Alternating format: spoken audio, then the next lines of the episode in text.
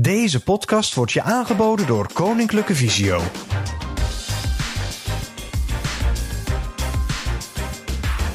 Tast was er nog voor het zien en voor het spreken. Het is de eerste en de laatste taal en het vertelt altijd de waarheid. Peet, zijn er nou nog meer lichaamsdelen waar de tastzenuwen zo sterk zijn aangelegd? Ja, de tast. Dan denk ik aan vingertoppen en braille lezen, wat een hoogstandje is van de tast. En dat is natuurlijk niet zo gek, want in je vingertoppen zitten veel tastzenuwen dicht bij elkaar. Ze zijn ook te vinden op het puntje van je tong en je lippen. Vandaar dat baby's voorwerpen met hun mond onderzoeken. En Theo, jij hebt toch ook wel eens over een zo'n sterk mondgevoel gehad? Bijvoorbeeld als je aan een broodje kroket denkt. Ja, ik vind een broodje kroket vind ik wel het ultieme mondgevoel. het, is, het is zacht, warm, krokant, knapperig. En, en er komen ook heel veel smaken komen erin samen. Dus ik, ja, dat vind ik wel, uh, daar word ik heel blij van. Kortom, deze podcast gaat over tast, voelen en gevoel. Dit is de Visiocast. Een officiële podcast van Koninklijke Visio. Het expertisecentrum voor mensen met een visuele beperking. In deze podcast kijken we naar wat wel kan. Welkom bij weer een nieuwe Visiocast. Zolang de coronatijd duurt, zijn we wekelijks bij je. En met deze podcast willen we graag contact houden met onze cliënten, nu onze deuren helaas gesloten zijn. Wat kun je van ons verwachten? Nou, nuttige informatie, positiviteit en af en toe een handige tip. En is deze podcast dan bedoeld voor iedereen die niet of niet goed kan zien? Nee hoor, hij is voor iedereen die iets wil opsteken en even lekker met ons wil meeluisteren. En wij zijn Mieke, Petra en Theo. En wij verzorgen deze podcast. Wil je reageren en wij willen graag je reacties horen, dan kan dat. Blijf vooral luisteren. Aan het einde van deze podcast krijg je alle informatie die wij delen uh, nog rustig een keer te horen. En per mail reageren, dat kan ook. Uh, dat doe je naar visiocast.visio.org. Mieke, hebben we nog reacties binnengekregen? Er zijn weer verschillende reacties binnengekomen. Onder andere van cliënten met kinderen die het echt nog een hele tour vinden om hun kinderen met het schoolwerk te begeleiden. Verder wordt er een hoop gewandeld door cliënten met wisselende ervaringen.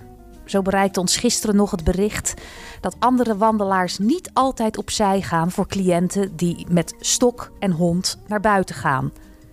Gelukkig ook positieve berichten waarin cliënten aangeven te genieten van de rust buiten.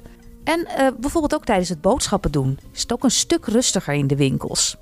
Er zijn ook cliënten die graag creatief bezig zijn, maar niet altijd goed weten wat te doen en hoe dit aan te pakken.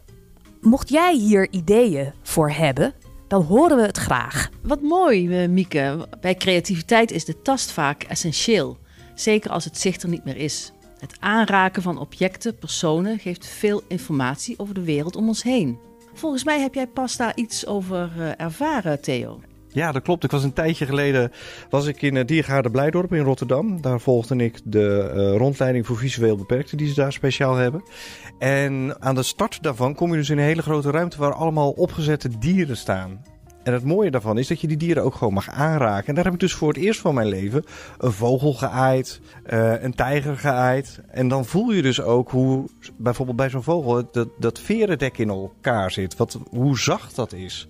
En ook hoe broos dat voelt. Ik heb natuurlijk wel eens gewoon een veertje in mijn handen gehad en dat gevoeld. Maar dat is toch anders als als je dat bij een vogel uh, voelt.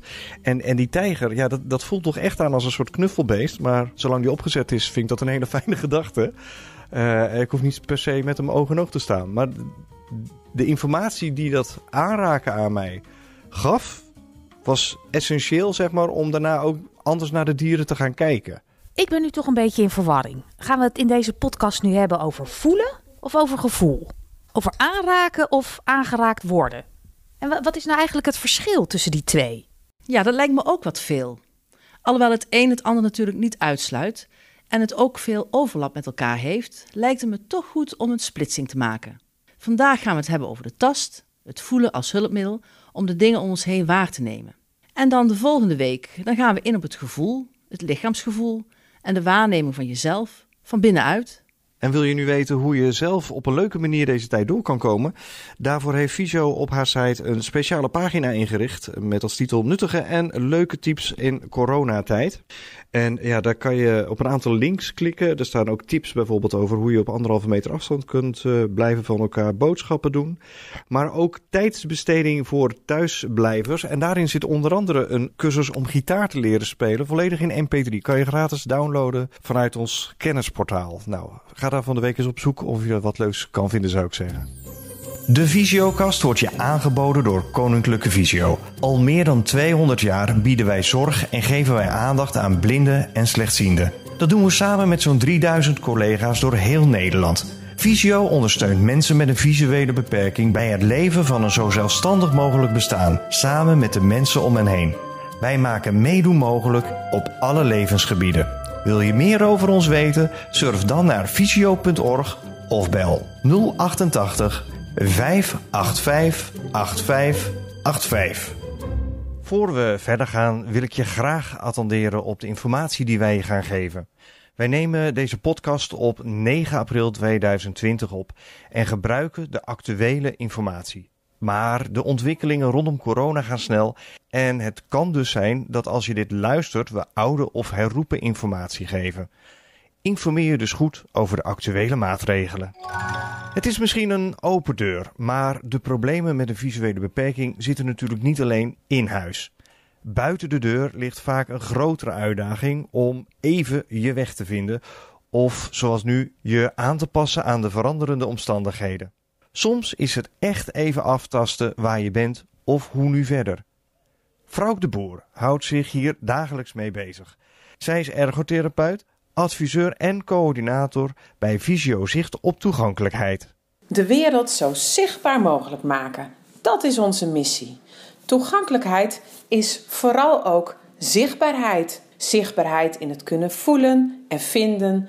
Zichtbaarheid in snappen waar je bent en waar je naartoe moet. Niet afhankelijk zijn van anderen of van uh, hulpmiddelen. Misschien is dat wel het allerbelangrijkste om mee te kunnen doen in deze samenleving. Daar is een toegankelijke buitenwereld voor nodig. En een van die punten is goede verlichting. Duidelijke zichtlijnen, logica, maar ook voorspelbaarheid. Dat het niet overal anders is en je continu moet opletten, maar dat je voorspelbaar is wat je te wachten staat. Licht is het meest onderschatte hulpmiddel voor iemand die minder goed ziet. Zonder licht ziet niemand iets. Dat is gelijk ook als we nadenken over de buitenwereld. Die moeten we zo zichtbaar mogelijk maken. Dan begrijpen we de wereld op zijn best en snappen we wat we er moeten doen. En hoe maak jij de wereld toegankelijker? Een van de dingen waar Visio bij betrokken is, is de verlichting en toegankelijkheid op stations. Zelf met de trein kunnen, zelfstandig het openbaar vervoer kunnen gebruiken om eigen regie te kunnen behouden. Het is ontzettend interessant dat wij mee mogen denken: wat is dan toegankelijkheid en wat is er dan nodig op zo'n station. Ik en mijn collega's hebben in de afgelopen drie jaar bijna alle stations in Nederland bezocht. En dat is dan s'avonds in nacht en ontij dat je die metingen moet verrichten. Om kijken hoe de huidige situatie verlichting is en hoe het verbeterd kan worden. Nou, daar hebben we heel veel ervaringen mee opgedaan. Maar ook ontdekt wat we nog niet weten en ook wat niet werkt. Hmm, aan welke toegankelijke aanpassingen op een station moet ik dan denken? De geleidlijnen zijn overal op de meer dan 400 stations in Nederland al aangelegd. Maar met alleen geleidlijnen kom je er niet. Een trap die moet vindbaar zijn, moet ook contrastrijk zijn. Je moet er niet zomaar van af kunnen vallen. Een lift moet bereikbaar zijn en vindbaar zijn. Maar die verlichting ook. Want als het te donker is en van die kleine haltes, dan sta je letterlijk in het donker. Een geleidelijn, dat is zo'n route met van die geribbelde tegels die je bijvoorbeeld op de stations, maar ook in dorpen en steden tegenkomt. En die liggen daar speciaal voor mensen met een visuele beperking. Kun jij uitleggen wat precies het nut is van zo'n geleidelijn? Als je gebruik maakt van een taststok wanneer je naar buiten gaat, dan betreed je de wereld voor een groot deel op de tast. Goede gidslijnen zijn dan heel belangrijk om te kunnen volgen. En daar waar geen bruikbare gidslijnen zijn, geleidelijnen. Voelbare en vindbare gidslijnen geven je houvast. En dan is het heel belangrijk dat er een obstakelvrije doorgang is. Want op de tast je weg vinden tussen allemaal fietsen of reclameborden kan een behoorlijke uitdaging zijn. Koninklijke Visio wil graag meedenken in wat wel kan. Veel blinde en slechtziende cliënten ontdekken nieuwe mogelijkheden of herontdekken oude talenten. Samen maken we meedoen mogelijk. Leni gaat ons iets vertellen over haar hobby boetseren. En dat doet ze vanuit haar eigen huiskamer. En het boetseren doet ze volledig op de tast. Mijn naam is Leni van der Wel. Ik woon in Naaldwijk. Ik heb de mooie leeftijd van 66 jaar. Mijn oogaandoening is RP. Daar kwam ik zo'n 24 jaar geleden achter. Nadat ik dacht van, ik kan de borden op de straat niet meer zien. Ik heb denk ik een bril nodig. Dus dan komen de onderzoeken. En ik zeg wel eens, ik stapte toen in een trein. De wagon ging dicht en ik ging denderen. Want één onderzoek na het andere onderzoek. Zo'n tien jaar geleden ben ik uit die trein gestapt. Want toen was ik eigenlijk wel zo ver dat ik zeer slechtziend was. Met verzoek heb ik een geleidehond gekregen, mijn Happy. En daarin veranderde ook heel mijn leven. Van altijd bezig zijn bij mijn man op de tuinderij, graag achter het naaimachine zitten, graag breien, borduren en allerlei andere soort leuke werkzaamheden. Dat ging niet meer. Toen moest ik toch wat anders bedenken. Breien, dat was altijd wel mijn passie. Maar ik dacht, ja, als je het niet meer kan zien, dan kan dat niet meer. Maar ik ben altijd door blijven gaan.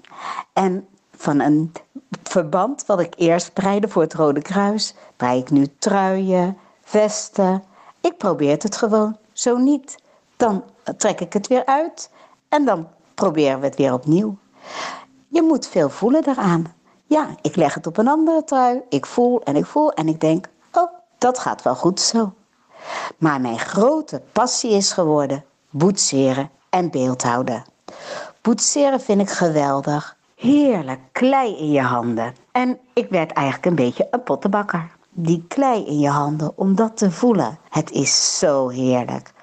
Toen zeg ik tegen mijn lerares: Ik zou heel graag mijn geleidehond willen boetseren. Ik kreeg een brok klei in mijn handen en een beetje aanwijzing hoe ik aan moest pakken. Ik eerst zijn hoofd, zijn lijf, zijn poten, zijn oren en ik maar voelen. En al voelend en voelend, daar kwam mijn hond. Mijn geleidehond. Hij lijkt er nog op ook, zeggen ze. Ook al kan ik hem zelf niet zien, maar ik voel het zo goed. Het is echt mijn geleidehond. Zomers wilde ik wel weer wat anders. Dus toen ben ik weer in aanraking gekomen met speksteen. Heb ik weer een vriendin ontmoet, die is beeldhoudster. En daar doe ik abstract, maar ik wil ook wel eens iets tastbaars. En dan komt dat weer, het voelen. En ik wil een stukje van hier af, een stukje van daar af. Een olifant, een varken. Soms dan gebruik ik haar ogen om even de dingen te doen zoals ik het wil. En zo heb mijn leven weer een mooie invulling gekregen.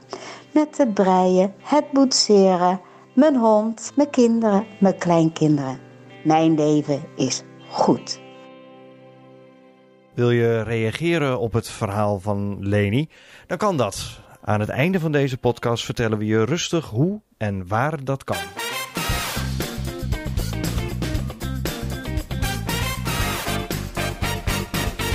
Elke week duikt Petra voor ons het internet en de boeken in om wist je datjes te vinden. En dit keer gaat het uiteraard over de tast. Wist je dat van alle zintuigen de tastzin de meest onmisbare voor de mens is? De tastzin fungeert als het natuurlijke alarmsysteem van het lichaam. Denk maar eens aan het voelen van pijn en temperatuurverschillen. Zonder tastzin zou het niet mogelijk zijn om een veilige omgeving te kunnen onderscheiden van een gevaarlijke omgeving. Wist je dat de zintuigen overal in de huid liggen en samen het grootste zintuigstelsel vormen dat er is? De huid is ons grootste orgaan en heeft een oppervlakte van 1,5 tot 2 meter en wel ruim 5 miljoen gevoelscellen. De handen en het gezicht zijn het meest gevoelig. En wist je dat herinneringen ook worden opgeslagen in het lichaam en in de sensaties van je huid? Je voelt een materiaal, je herinnert je een gebeurtenis en beleeft een gevoel. En precies daarom raken mensen graag voorwerpen aan. Het geeft een kalmerend effect. En datzelfde gebeurt bij het aaien van dieren. En daarom is het ook zo goed om met mensen die dementeren iets te laten aanraken wat fijne herinneringen bij ze oproept. En wist je dat de tastzin de basis is van ons begrip van de wereld om ons heen en het contact met de ander en dat de tastzin tot onze laatste dag intact blijft? Wist je dat de tastzin ook een communicatieorgaan is? Denk aan blozen van schaamte, kippenvel bij kou, je haren rijzen als je ontzet bent en het bij het wit wegtrekken van angst. Wist je dat braille lezen met je vingertoppen zo goed aangeleerd kan worden omdat hier heel veel taszenuwen bij elkaar zitten? Met je vingertoppen voel je twee afzonderlijke prikjes nog op 3 mm afstand. De rest van je lichaam is veel minder gevoelig. Op je rug bijvoorbeeld voel je twee afzonderlijke prikkels op 7 cm afstand. Bevinden deze zich dichter bij elkaar, dan voel je het als één prikkel. Wat betekent dat daar dus weinig taszenuwen zijn.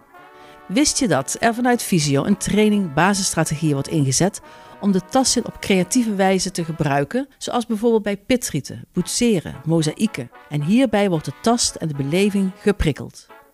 Wist je dat er een hele mooie documentaire te zien en te horen is, genaamd Op de Tast, waarin een blind echtpaar wordt gevolgd dat al 40 jaar zelfstandig op Driehoog in Amsterdam woont, maar het leven daar steeds drukker en bedreigender vinden worden en daarom verhuizen naar een beschermde omgeving op de Veluwe. Wist je dat het museum Beelden aan Zee regelmatig speciale rondleidingen voor mensen met een visuele beperking organiseert? Waarbij je door daartoe opgeleide medewerker van het museum in een kleine groep wordt rondgeleid langs beelden die ook aangeraakt mogen worden. Wist je dat Stichting Cubus zich inzet voor de toegankelijkheid van kunst en cultuur, zodat kunstliefhebbers en kunstenaars met een visuele beperking actief kunnen blijven deelnemen? En dat zij al meer dan 30 jaar het Cubus Beeldhouwwerkweekend organiseren? Sinds een aantal jaren organiseren ze ook een Cubus Schilderweekend.